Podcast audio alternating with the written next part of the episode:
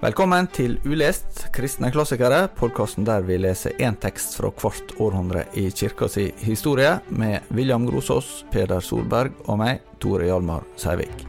I dag fortsetter vi med Maximus bekjenneren.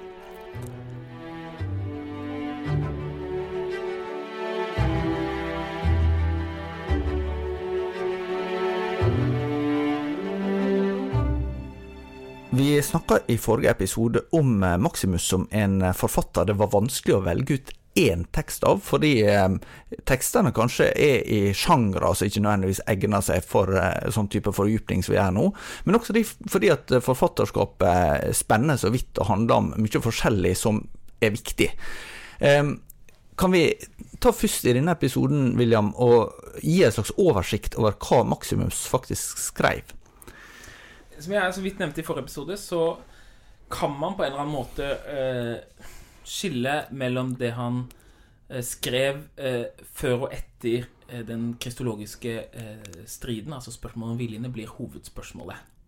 Eh, altså det han skriver før han er 50 år, det er til munker. Og selv om det er på Det er et på en måte, høyt faglig og filosofisk nivå, så er er, eh, er, tekstene de er ment som slags veiledning til innføring i det kristne livet. Og eh, det fins ingen egentlig skille mellom delaktighet i Gud og det å tenke om Gud for, eh, eh, for Maximus. Det betyr ikke at Gud er noe vi kan forstå, men det betyr at at, um, at teologi er erfaring på en eller annen måte. Og dette nevnte vi også i Gregor-episoden, men, men, det kommer tilbake veldig kraftfullt hos Maximus. At uh, teologi er ikke filosofisk tankelek. Du kan ikke vite noe sant om den kristne tro uten å på en eller annen måte uh, gå ut i solen og ta imot det lyset som faktisk lyser på deg. Og, og, så Derfor så er det sant, en, en, en Filokalia, der finner vi f.eks. en ja, Hva er filokalia? Filokalia? Det betyr eh, kjærligheten til det gode. Det er en samling av tekster fra kirkefedre, munker eh, gjennom egentlig nesten 1000 år, som er samlet på 1700-1800-tallet. Eh, som er eh, en samling av den viktigste åndelige veiledningen som fins i den østlige tradisjonen. Og ingen har mer plass i filokaliaen. Altså det er seks bind eller sånt noe. Fem, tror jeg. Ja, fem, fem bind. Mm. Masse tekster. Ingen har mer plass, flere linjer, flere ord i filokaliaen enn Maximus bekjenneren. Um, og du finner f.eks. en tekst um, som jeg leste i går, om uh, en veiledning til Fader vår. Og så gjør han en, en Fader vår. Ja, du kan tenke om Fader vår. Um, hvordan kan du tenke om den? Jo, du kan si at det er en innføring i treenighetens liv. Vi påkaller Faderen. Og hva er hans navn? Jo, det er Jesus hellige er ditt navn. Komme ditt rike, hva er Guds rike? Det er ånden. Og så har han en kompleks, ja, språklig utfordrende eh, tekst, men som er ment til å dra leseren inn i et åndelig liv. Og Det er derfor jeg brukte samlingene med Kirkegård. Og jeg syns samlingen på noen måter står seg, for også Kirkegård har denne eh, motstanden til å redusere teologi og filosofi til noe som du har der ute, et system. Det er alltid noe som du må inn i, noe du må involveres i. Og, og det merker man når man leser Maximus. Eh, eh, enten må du gi deg til det, eller så kan du bare drite i det. Eh, det er den følelsen jeg får når jeg leser det. Så, så det er én del av hans forfatterskap, det som har med det åndelige å gjøre. Og så er det da, som William sier, de siste i hvert fall 20 årene av livet, så blir veldig mye av det han skriver, prega av den eh, monotele hvordan man skal uttale monoteletistiske striden uh, uh, på norsk. Eh som den handler om Den ene viljen. Ja, ikke sant? Den ene viljen hvor han da sier at nei, Jesus hadde og altså hans menneskelighet innebar også en menneskelig vilje. så der er det den delen av forfatterskapet preges jo av at han er i en polemisk situasjon, og hvor han bruker hele sitt arsenal både av eh, Skriften altså for, Han skriver et sted litt sånn i forbifarten at 'jeg har lest Skriften mange ganger'. Eh, og det er veldig tydelig. Altså han, han, han, han, forholder seg til det ut fra fingertuppene, men også uten å nevne navn, så har han på en måte det platonske og det nyplatonske eh, filosofiske apparatet, men også Aristoteles, uten at han egentlig går Så, så han bruker alt det han har av visdom og kunnskap eh, for å forsøke å, å avvise det som han igjen til syvende og sist, som vi var inne på sist, det handler ikke om at han prøver å vinne en filosofisk diskusjon. Han prøver å vinne kampen om menneskesjelen i, i kirkens tjeneste, for, som handler om til syvende og sist hvem hvordan vi skal eh, erfare livet med Gud der også. Så, så på en måte så er det sånn uh, Det er en sammenheng mellom disse to delene av forfatterskapet òg. Fordi den siste delen av forfatterskapet på en måte forsvarer det første, eh, på et vis.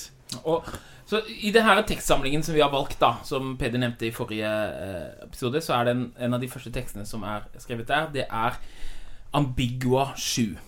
Hva betyr ambigua? Ambigua betyr det er egentlig et latinsk ord. Uh, difficulties overtalt. Altså vanskeligheter. Altså ambivalenser. Ikke sant? Det betyr så, uh, vanskelige skriftsted Eller vanskelige tekststeder hos Gregor Nassians som legges ut. Og Ambigua 7 er et sånt eksempel der han tar utgangspunkt i et, en, et sitat av Gregor Nassians i en av talene hans. Ikke en av de talene som vi hadde, men en annen tale.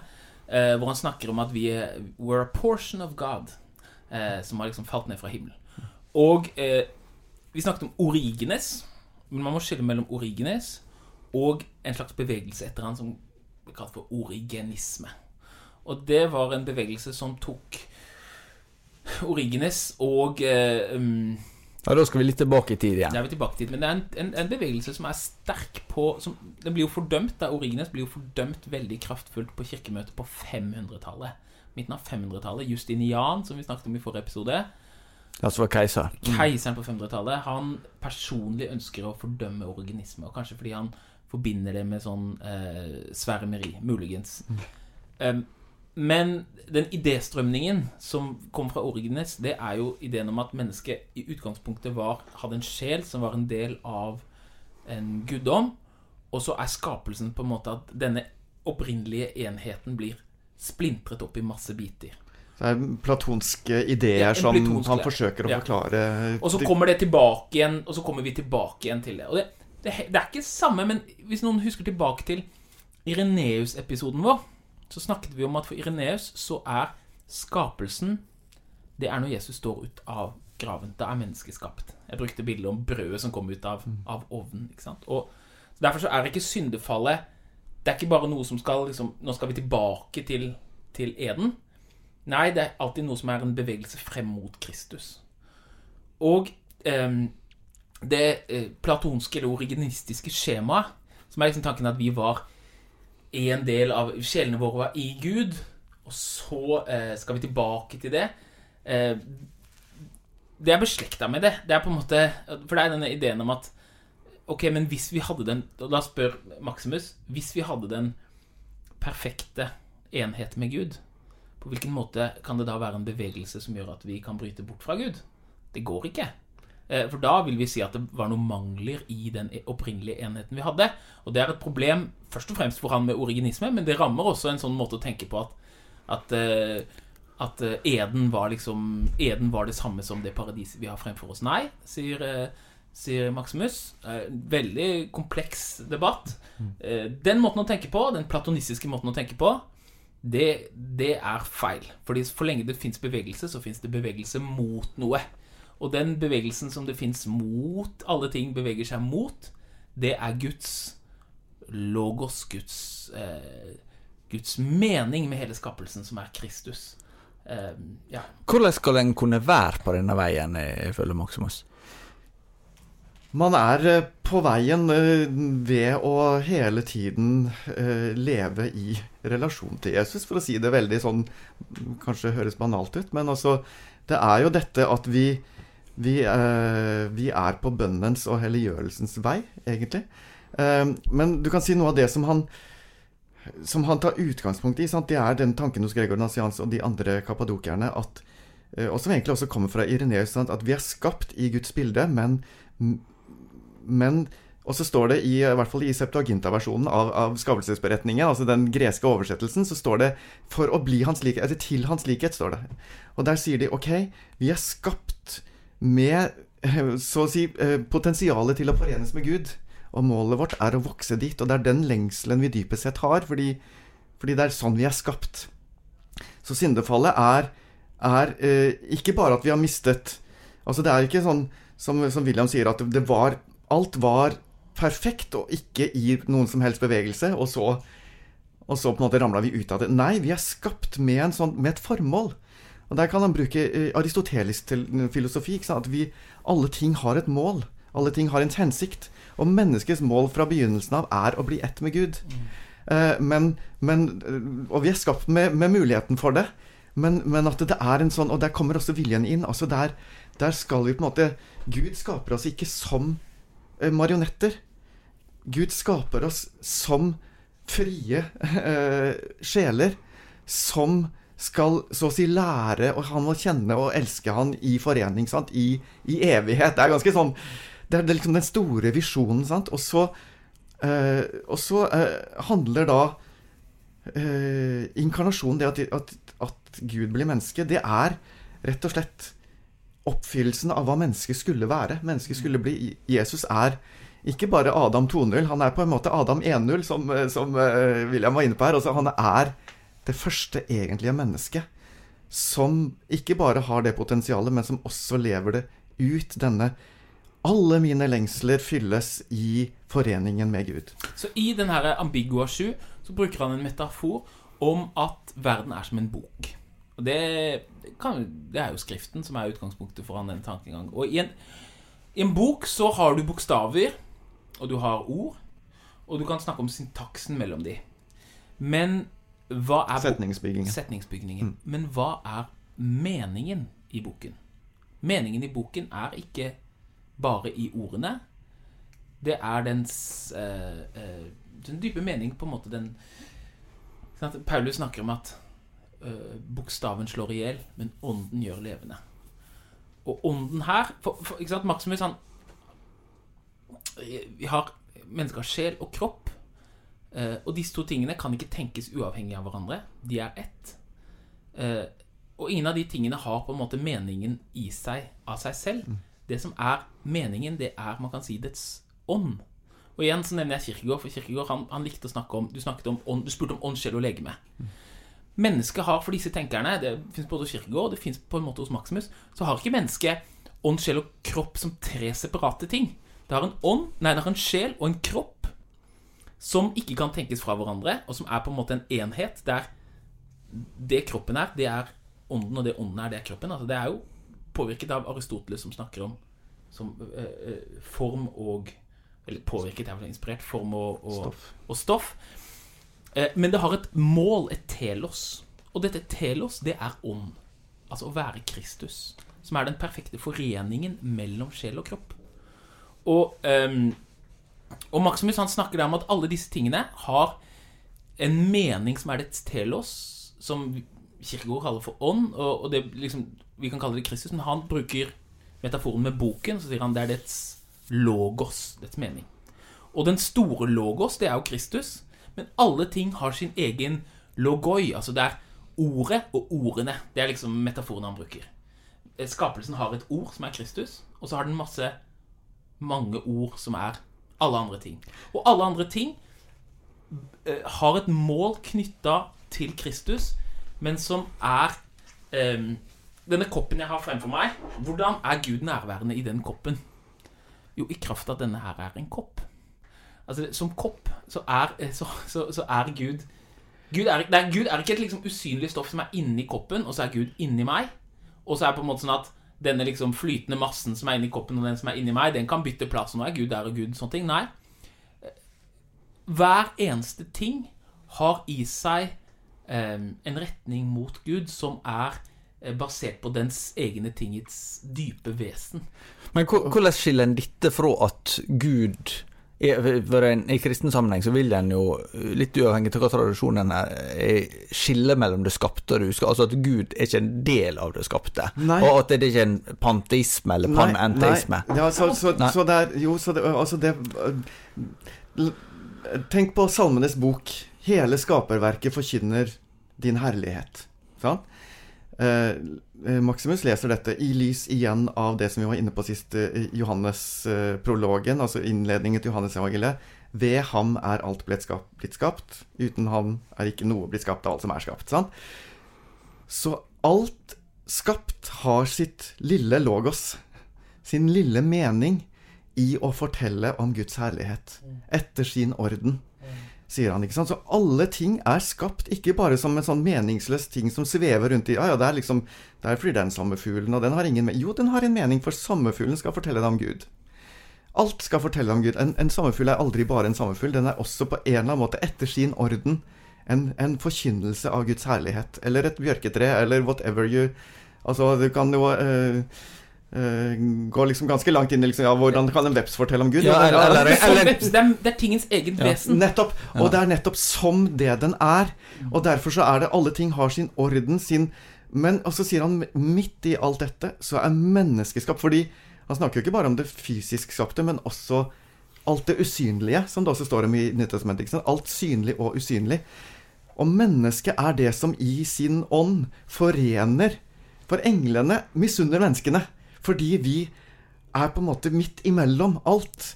Vi er de som forener det fysisk skapte med det uh, usynlig skapte, fordi vi har en, en, sjel og en kropp som bindes sammen i ånden, som gjør at vi er nøkkelskapningen i skaperverket som binder alt sammen for å peke mot Gud. Så menneskets oppgave i hagen det er å stelle hagen, det er å vise alle ting hvordan de forteller om Gud, og selv også la seg eh, Altså det er dette samspillet, sant. Så, så gir hele denne herre kosmiske visjonen da, som, som, som, Maximus eh, snakker om, så er mennesket det lille mennesket hva, hva, er mennesket? At du kommer han i hus, som, skaper, som, eh, som Salmesbok sier. Ikke sant? Jo, vi er faktisk det som binder hele Guds skaperverk sammen. Og det er det vi er kalt til å være.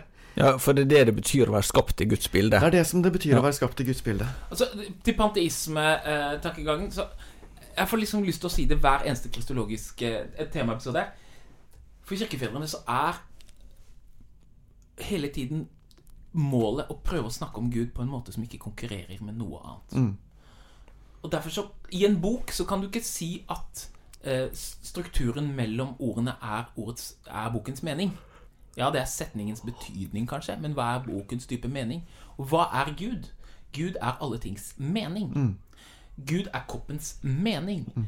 Gud er min mening. Og Derfor så går det en sånn skap-skap-skille der du har bare sånn derre vitenskap.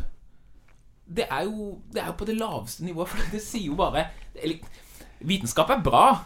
Absolutt. Og, og vitenskap er viktig. Men det skapte og det skapte konkurrerer ikke om plass. Så det er at du kan liksom um, Du kan telle hvor mange b-er det er i, i uh, Ringenes herre. Eller hvor mange f-er det er. Eller hvor mange ganger de sier ordet 'the'.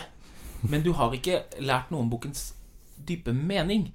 Og uh, det fins så, så, så, det sier jeg liksom når jeg er rundt med sånn der eh, Grill en kristen på, på med studenter, så sier jeg at det fins absolutt ingenting som en vitenskapsmann kan fortelle meg, verken positivt eller negativt om Gud, som påvirker hvordan jeg ser på Gud. Men La meg bare Du er enig i den setningen? Jeg er enig i den setningen, og samtidig Jeg vil ikke si men, men jeg vil si og samtidig så er det beste vitenskapsmannen kan, kan uh, fortelle deg, det er også et veldig viktig materiale til å, snakke, til å, snakke, om hvordan Gud gir dette mening. La meg bruke et, en analogi som jeg faktisk har fra Origenes. Kan, men, men Origenes sier Uh, Maximus både kritiserer og, og uh, redder Origenes. Ja, og han, Men, gjør eh, den, han, gjør det på den måten som, som, Origenes forteller om her. Det er ganske morsomt. Fordi Origenes sier Israelsfolket skulle ut av Egypt. De skulle ut av Egypt for å tilbe Gud. Sant? Det var det der det, ut, ut, for å tilbe Gud. Det er egentlig formålet som, som Moses kommer for å si til, til farao. Eh, og til slutt, så etter alt dette her som skjer, så, så får de jo eh, reise, da, motvillig nok. Men, men, hva er det de tar med seg? Jo, de tar med seg alle, alt gullet, alle skattene, som egypterne gir dem. Sant? Og så, hva er det de bruker det til? Jo, de bygger tabernaklet. Så tilbedelsen av Gud, altså det som gir alle disse tingene mening sant? Hvordan tabernaklet bygges opp av det beste som egypterne har som er brukt til avgudsdyrkelse og whatever. Alt personlig utsmykking. Alt som er på en måte meningsløst. alt det beste, det settes sammen til å bygge tabernaklet som hvor israelsfolket skal tilbe Gud. Dette, sier Origenes, dette er vår måte å forstå all den beste visdommen som verden kan gi oss. Det er ikke sånn at det liksom Nei, nei, det har vi ikke bruk for. Jo, det har vi bruk for. Veldig god bruk for. Sant? Men, det- men vi du forstår ikke hva jeg mener med ordet Gud. Hvis du tror at bare fordi at du har eh, kommet fram til eh, et eller annet på, på det bokstavnivået i teksten, så vet du hva meningsinnholdet er for noe. Nettopp. Eh, jeg ser ikke at ikke de tingene henger sammen, men de henger sammen bare baklengs. Eh, altså I betydelsen at fra meningen så, så åpenbarer vi Så ser vi skjønnheten i skapelsen. Ja. Absolutt. Så, er, så jeg skjønner absolutt poenget ditt. Det bare å, å, å presisere at det ikke har med på en måte å si at liksom nei, vitenskap har vi ikke bruk for, eller Ikke sant? Så, så fordi, fordi det er nettopp i dette samspillet Men det er helt riktig som du sier. Altså det, er, det er det samme som å si at det, for å finne meningen i boken, så trenger jeg ikke teksten. Sant? Ja, ja, ja, Men, men, ikke sant? Men for å finne uh, me meningen i boken, så trenger jeg mer enn teksten. Ja. Ikke sant? Eller jeg trenger på en måte Jeg trenger å forstå tekstens dypere mening. Sant? Altså, eller, eller de enkelte ordene, kan vi si da. For vitenskapen kan kanskje sammenlignes med de enkelte ordene. Ja. Så det er, det er metaforen han, han bruker med Ja. ordet. Og da er, da er eh, eh, Kristus er hele skapelsens nøkkel og mål. Og dette ligger på to nivåer. Det er både Skriften som fungerer på denne måten, altså den Bibelen som vi har, og hele skapelsen. Og de to tingene er et slags samspill, eh, parallelt samspill for, eh, for Maximus. Ja, Hvordan samspiller de, da? Nei ehm, eh, skap, Hvis Skriften eh, Igjen, ånden gir liv, bokstaven slår levende. Og Skriftens, men, Gjør levende, ikke sant? skriftens mening er eh, eh, dets mål, telos, som er Kristus. Ja.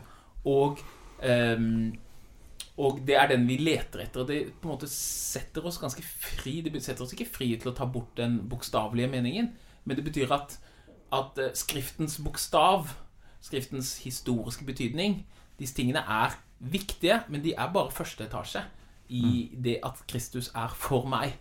Eh, og på lik måte som vi, vi lærer av Skriften å lese skapelsen som den er den andre skriften. Ja. Det er sånn de henger sammen. Skrift, når vi leser Bibelen, så finner vi Jesus der. Og når vi leser skapelsen, så finner vi Jesus der. Det er en slags sånn Nesten sånn åpenbaringens triangel, har jeg tenkt. Altså det er det er Vi leser skapelsen i lys av Skriften. Vi leser Skriften i lys av det skapte. Og alt må leses i lys av Jesus, som binder alt sammen. Som er meningen i både Skriften og i skapelsen.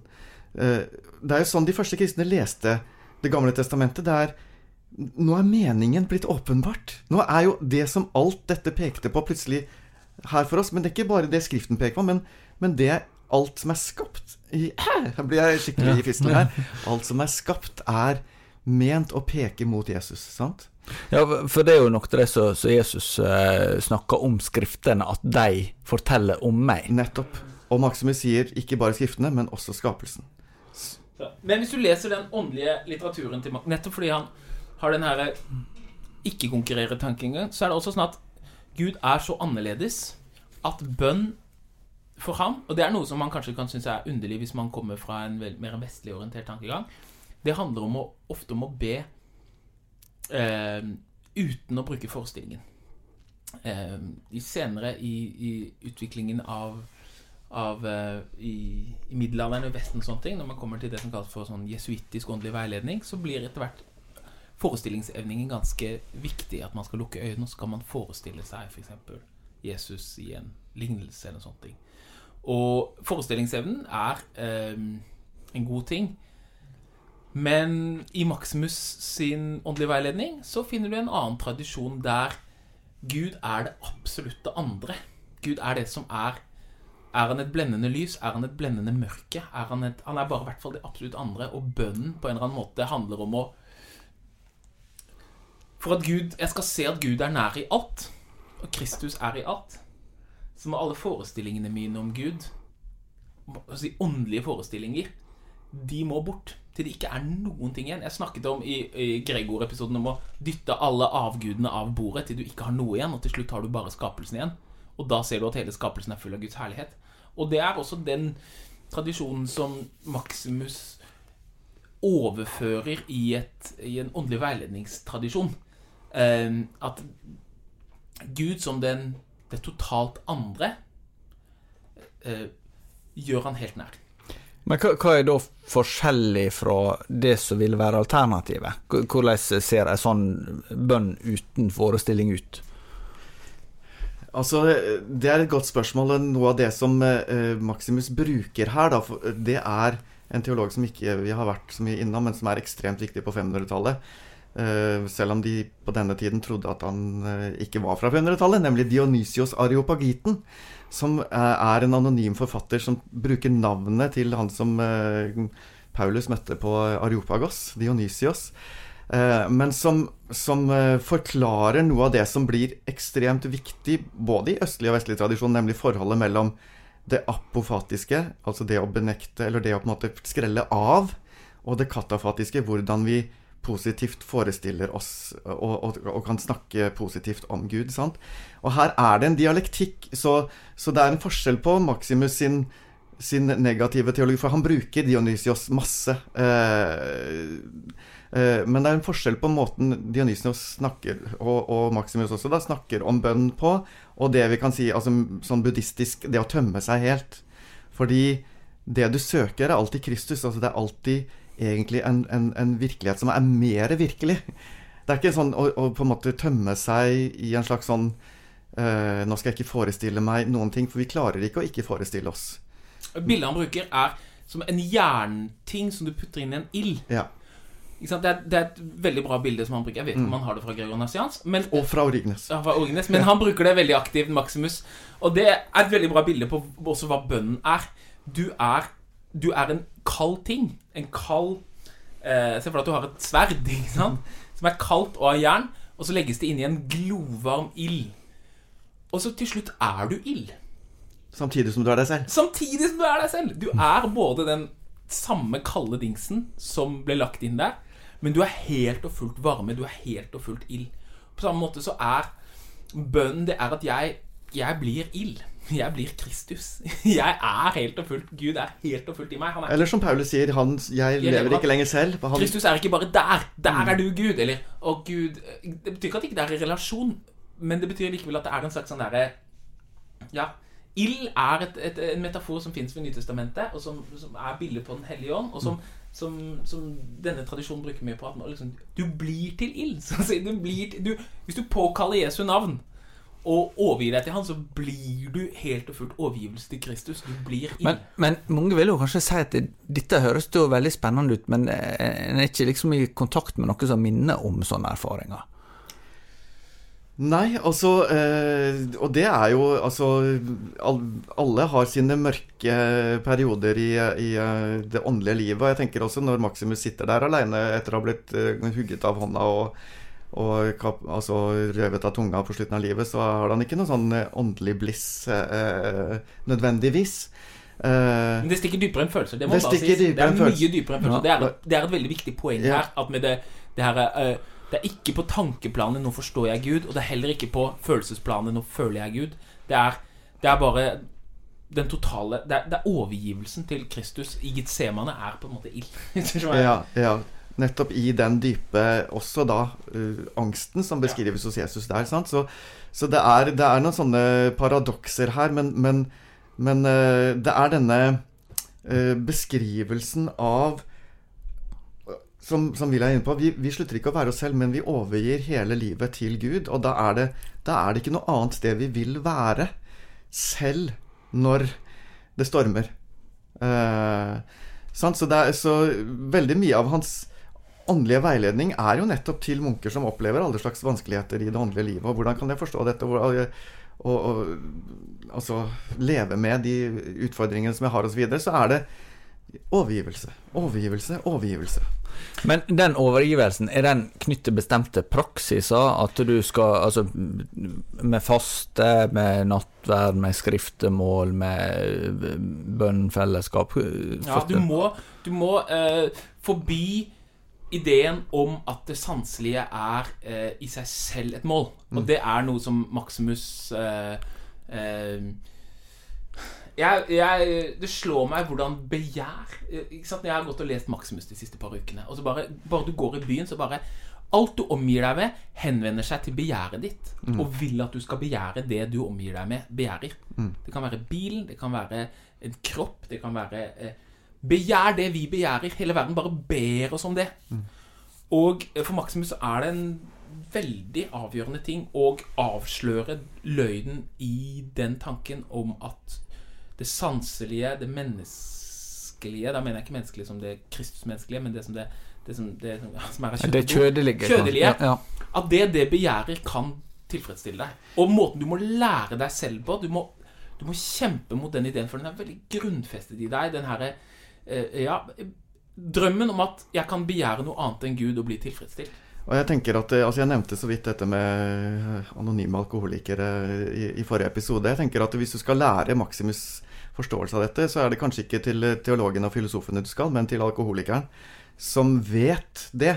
At denne avhengigheten jeg har av noe som tilsynelatende gir meg det jeg trenger nå, det er så destruktivt. Så de har på en måte avslørt Litt sånn det, Jeg får sånn Matrix-følelse. altså at liksom De har avslørt systemet her. Altså at jeg eh, tror jeg trenger dette. Og det, alt jeg på en måte begjærer, er dette ene. Og så vet jeg at det kommer til å ødelegge meg. Så derfor Altså, er faste så- Det er, det er munker, og de faster, som vi snakket om, de faster hardt. De, de, de ber eh, De påkaller Jesu navn, de, de resiterer salmer. De har selvfølgelig alle disse tingene som, som Når vi bare har teksten, så er vi fremmede for den. Men hvis du reiser til et ortodoks kloster, så, så er Maximus for dem ikke bare en filosof. Han er eh, Og, og, og de gjør ikke noe annet enn det alkoholikeren gjør, som avstår fra. Ikke sant? Jeg avstår fra noe. Og hva skjer da? Jo, og da beskriver Maximus Han beskriver, ikke sant Hvis du avstår fra seksuelle begjær, da kommer sinne. Ikke sant? Og hvis du eh, klarer å eh, overgi sinne, så kommer eh, andre typer sinne. Og til slutt så kommer stoltheten. Hvis du har klart å virkelig bli from, da blir du stolt. Og det er det verste. Ikke sant? Det er, da er det rykk, rykk tilbake til start. Ja. Da er det rykk Snikespillet. ikke sant? Det er riktig faktisk. Så, så, så det er noe med at han beskriver disse hva skal jeg si, psykologiske prosessene som hele tiden driver deg tilbake. Kast deg til Kristus, for han er altså I det øyeblikket du er stolt, så er du tilbake.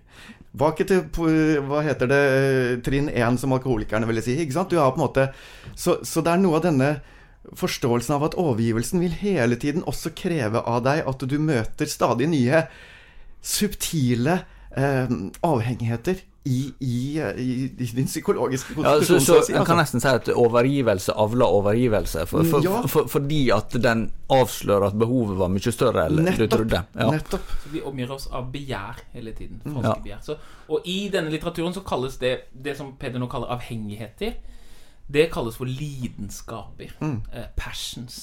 Det er liksom det som er det tekniske termen for dem. da Men eh, du har nevnt Dionysius, og eh, jeg eh, følte jeg var litt på glattis når jeg snakket om vitenskap og tro i dag, og jeg kanskje eh, provoserte noen av det.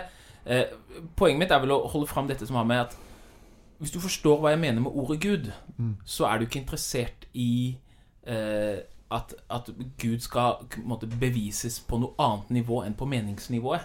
Det er der Gud eksisterer, for Gud er ikke en ting.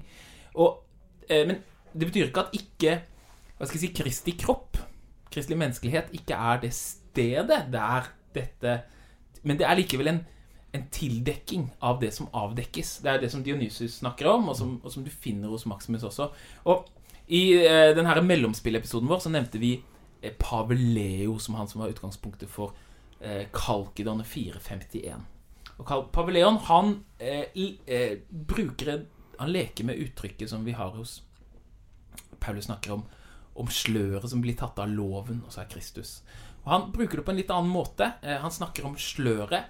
Og, og, og eh, hvis du kan tenke deg sløret over på en måte det guddommelige, som er Jesu kropp. Og, og hvis du kan tenke deg at, at du har noe usynlig Se for deg at du, du eh, har fått en usynlig Porsche i, i, utafor huset ditt på eh, Er det på Sotra? du bor? Ja, det er på Sotra. på Sotra. Ja. Eh, eh, Porsche på Sotra, da ser de striler, da ser de stygt på deg. Eller, du har fått en usynlig Porsche, da. Og så har du lyst til å vise den til naboen, men den er jo usynlig. Hvordan skal du vise den til naboen? Den er usynlig. Det er bare en måte. Du må legge noe over den. Hvis du legger et stort teppe over den, altså et sånn derre så kan man jo se den nydelige Porschen. Du kan se den, men du kan ikke se den. Altså, du har, du har dekket den til, men du har avslørt den. Og sånn er måte, tekstens bokstav. Sånn er naturen. Og sånn er Jesu kropp. Den avslører det guddommelige ved å dekke den til. For vi kan ikke si hva Gud er, men vi kan si gjennom Jesus hvem Gud er. Ja, og det er et veldig godt bilde, fordi det er, det er nettopp denne måten som fra Dionysus Areopagiten, denne samspillet mellom tilsløring og avsløring. Ikke sant? At, at du har en, en prosess der hele tiden eh, Gud avslører hvem han er ved å tildekke seg i, i eh, tilstrekkelig grad for at vi skal kunne forstå hvem han er. sant? Du, William, jeg nevnte også et stikkord som går på forholdet mellom mikrokosmos og makrokosmos. Den lille verden og den Ja. store verden. Det, er, det henger jo sammen med det jeg snakket om med Skriften og skapelsen. Men det er også mennesket er hele skapelsen. Som, det er jo det Peder snakket om tidligere, om at mennesket er denne herre eh, foreningen mellom himmel og jord foregår i mennesket. For vi er både tekst og mening. Eh? Det åndelige livet er bare mening, og det materielle Nei, nei sjelelige livet er bare er bare mening. Mens det materielle livet, det er bare tekst. Men mennesket er begge deler. Men det fins en slags frustrasjon mellom de to delene, som ikke vi klarer helt å komme til rette med. Men Kristus, han er den perfekte foreningen. Og han er da det mikrokosmos. Kristus er som hele det store kosmos eh, forklarer. Eller og derfor så er egentlig Jesus eh, Han er skapelsen. Altså, eh, jeg mener ikke at Gud og menneske er det samme, men jeg mener at et sånt uttrykk som de som har lest Maximus veldig nøye, sier at det er at hos Maximus så er inkarnasjon, at Gud blir menneske, det er skapelsen. Skapelse som inkarnasjon. Fordi eh, du har fortsatt kaoskreftene som er i frustrert bevegelse mot hverandre. Det åndelige og det materielle. Og det er liksom Det er Adams problem. Han er, han er, han er engel, og han er dyr. Eh, Men i Kristus så er dette kaoset blitt til kosmos. Eh, I, en forening. Dette er noe som eh, Kirkegård også skriver om i 'Sykdommen til døden', eh, men som Maximus jobber med fra sin kant. Det er en veldig viktig bibeltekst som ligger bak dette her. Visjonen i Daniel 7. eh, Hvor det står om denne menneskesønnen som bringes frem for den gamle av dage. Og så ville Maximus si at det er hele historien om skapelsen. Det er denne menneskesønnen, hvem er det? Det er Kristus. Som tar opp i seg alt det skapte og bringer det fram for den gamle av dage, Gud Fader. sant? Så det er en sånn er en vis, Hva er det Daniel ser der? Jo, det er hele historien hele historien om hva Gud vil med alt det skapte. Eh, og hvor mennesket Jesus tar opp i seg ikke bare alle mennesker, men alt det skapte. Bringer det frem for Gud eh, som? Som, som en sånn eh, evig bevegelse, kunne vi nesten sagt. Så det er, sånne, det er noen sånne store ting her. Og samtidig så er det sånn eh, Da er du inne på dette med liturgi, som er, er et stort tema hos som er et stort tema. Han har en egen sånn beskrivelse av gudstjenesten, som også et slags sånn type Det spiller ut dette dramaet, sant? Han er ikke interessert i liturgi som høytideligheter Nei. og som seremonier og på det nivået. Han er ikke, det er ikke der han er i det Nei, hele det er liksom- Og heller ikke sånne der spissfindigheter om skal du stå eller sitte eller sånne ting. Det er ikke på det nivået. Men det er en, et bilde av det, som, det vi gjør i kirken under nattverdsfeiringen. Det er det hele skapelsen er. Det er denne foreningen mellom himmel og jord. Ikke sant? Jeg bærer frem nattvær, brød og vin. Og hva er det? Det er bokstaver. Eller det er materie. Eller det er på en måte Det er livet. Og så forener Gud seg med det gjennom ordet. Dette er mitt legeme som gis for deg. Slik at på samme måte som at Kristus er den perfekte foreningen mellom himmel og jord, så er nå brødet blitt den perfekte foreningen mellom himmel og jord. Og dette skjer i rammen av eh, gudstjenesten, som er en sånn symbolsk verden som skal vise oss at dette lille mikrokosmoset, disse englene vi ser, disse bildene Kommer vi ut av kirken, og så ser vi Wow, hele verden er jo egentlig en kirke der denne prosessen der Gud forener seg med alt gjennom Men- Kristus, foregår. Men det, et viktig punkt der er vi spiser det. Vi spiser det for å bli det. Å bli det. Så, så, så det er jo også nettopp det, at vi blir det vi spiser, hadde jeg sagt. Altså i den forstand at du Gud uh, Jeg- må si, jeg har ikke lest akkurat den Nei, teksten men- til Maximus, men- jeg har lest litt om den. Og, Og de som eh, er veldig gode på Maximus, de sier det at han, han snakker om uh, Han snakker om uh, eh, Om eh, kroppen som eh, liturgisk rom. Kroppen min er et liturgisk rom. Jeg er en kirke. Jeg er, jeg er en kirke. Ja, hvor Gud skal ta bolig. Sant? det er jo Paulus. Så jo Paulus nettopp så, så, men, men la oss bare, hvis jeg kan ta dette litt tilbake til en av tekstene som vi har i, i boka, eh, så er det altså For vi er jo ganske på sånn Altså, jeg tror de fleste lyttere skjønner at vi er på et nivå hvor vi også spiller på vi spiller på lag med, med en som er veldig Apropos den elveren som eh, William starta med, så er vi, vi er de liksom litt sånn keitete side-midtballespillerne med, med Maxis i midten her. Det er den følelsen når du hører på et veldig bra band, og så hører du på høy lyd, og så spiller du til. Og så føles det så dritbra! Pianoet mitt er så bra til denne Ikke sant? så, så, så Maximus er eh, Han er noen hakk over, men, men eh, han har en sånn fantastisk utleggelse av Den har noen eh, litt vanskelige ting om, om forholdet til jødene der, men la oss ikke gå inn på det. Men, men eh, en utleggelse av Jonaboken, som er et sånt spørsmål, kommer fra en av disse munkene. sant? Jeg har lest det siste verset i Jonaboken, eh, og der står det om de som ikke vet forskjell på høyre og venstre hånd. Og det er liksom det, Hvordan kan jeg finne noe oppbyggelig ut av et sånt vers? Og så begynner Maximus bare liksom sånn overtyre over Jonah-boken, hvor han bare liksom sier OK, la oss starte med navnet Jonah. La oss starte med byen eh, Jaffa. Og så kommer han liksom med sju-åtte forskjellige betydninger av både navnet og stedet, og sier han alle de 40 forskjellige betydningene til sammen, kombinasjonen av disse, kan være en utleggelse av Jonah-boka. Men så beskriver han da to av disse. Jonah-boken som en beskrivelse av menneskets historie, og Jonah-boken som beskrivelse av Jesu historie. Menneskets historie faller fra hagen, Jonah eh, rømmer fra byen Jaffa, ikke sant. Og så, så Det betyr gleden min. ikke sant? Og så, og så, er, det, så er det på en måte en, en utleggelse av hvert eneste bibelord eller, ikke sant? og bibelsted eller bibelbok kan være en utleggelse av dette dramaet som vi snakker om. da.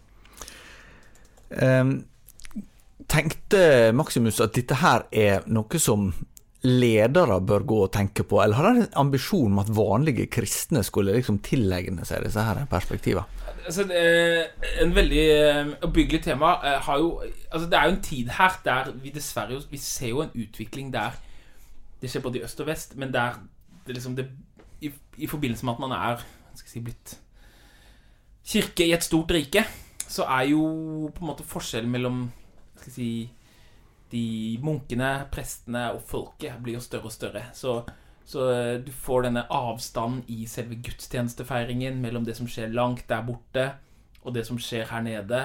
Eh, Du har litt ulike forventninger til det åndelige livet til munker og til andre. Det, det er ikke Maximus sin skyld i det hele tatt, men det fins spor av det. At det er den kulturen han lever i. Og, og, ehm, og det Så, så, så det, det, det, finnes, det betyr ikke at han ikke henvender seg til vanlige folk i den åndelige veiledningen hans og sier at du kan gjøre sånn og sånn, og, og, og dette er fra, nei, fra ditt utgangspunkt og sånne ting. Men, men eh, det er Han er filosofisk skolert på en måte som eh, kanskje ingen er i dag. Altså, ikke sant? For vi, er, vi lever i en annen kultur der vi har eh, Ord betyr ikke så mye for oss. Vi er, vi er skolert av bilder. Så vi er ikke skolert av ord på samme måte. Eh, og de han snakker til, er langt mindre skolert enn vanlige folk i dag. Så liksom Avstanden er bare enorm. Eh, men, men det han er, er ikke bare en skatt for sin samtid. Han er en skatt for hele kirken.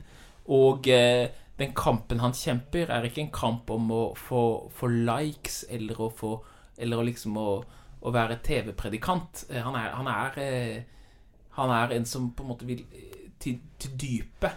Han, han er en som jobber under jorden og vil til dypet hva kristendom er. Og så kan sånne som oss, som er helt vanlige folk, som ser på TV og som ikke forstår oss på alt sånne ting, vi kan få noe av de diamantene eh, han har liksom fått frem helt under jorden der. Så kan vi få de opp, og så kan vi, kan vi eh, dekorere eh, og, og, og nyte de, da. Og så vil jeg tilbake til det som du nevnte tidligere om liksom eh, for forholdet mellom filosofisk forståelse og erfaring. Sant? For at det, på en måte vil jeg igjen tilbake til å si at eh, den som virkelig kanskje kan lære deg noe om det som Maximus snakker om, er en tørrlagt alkoholiker.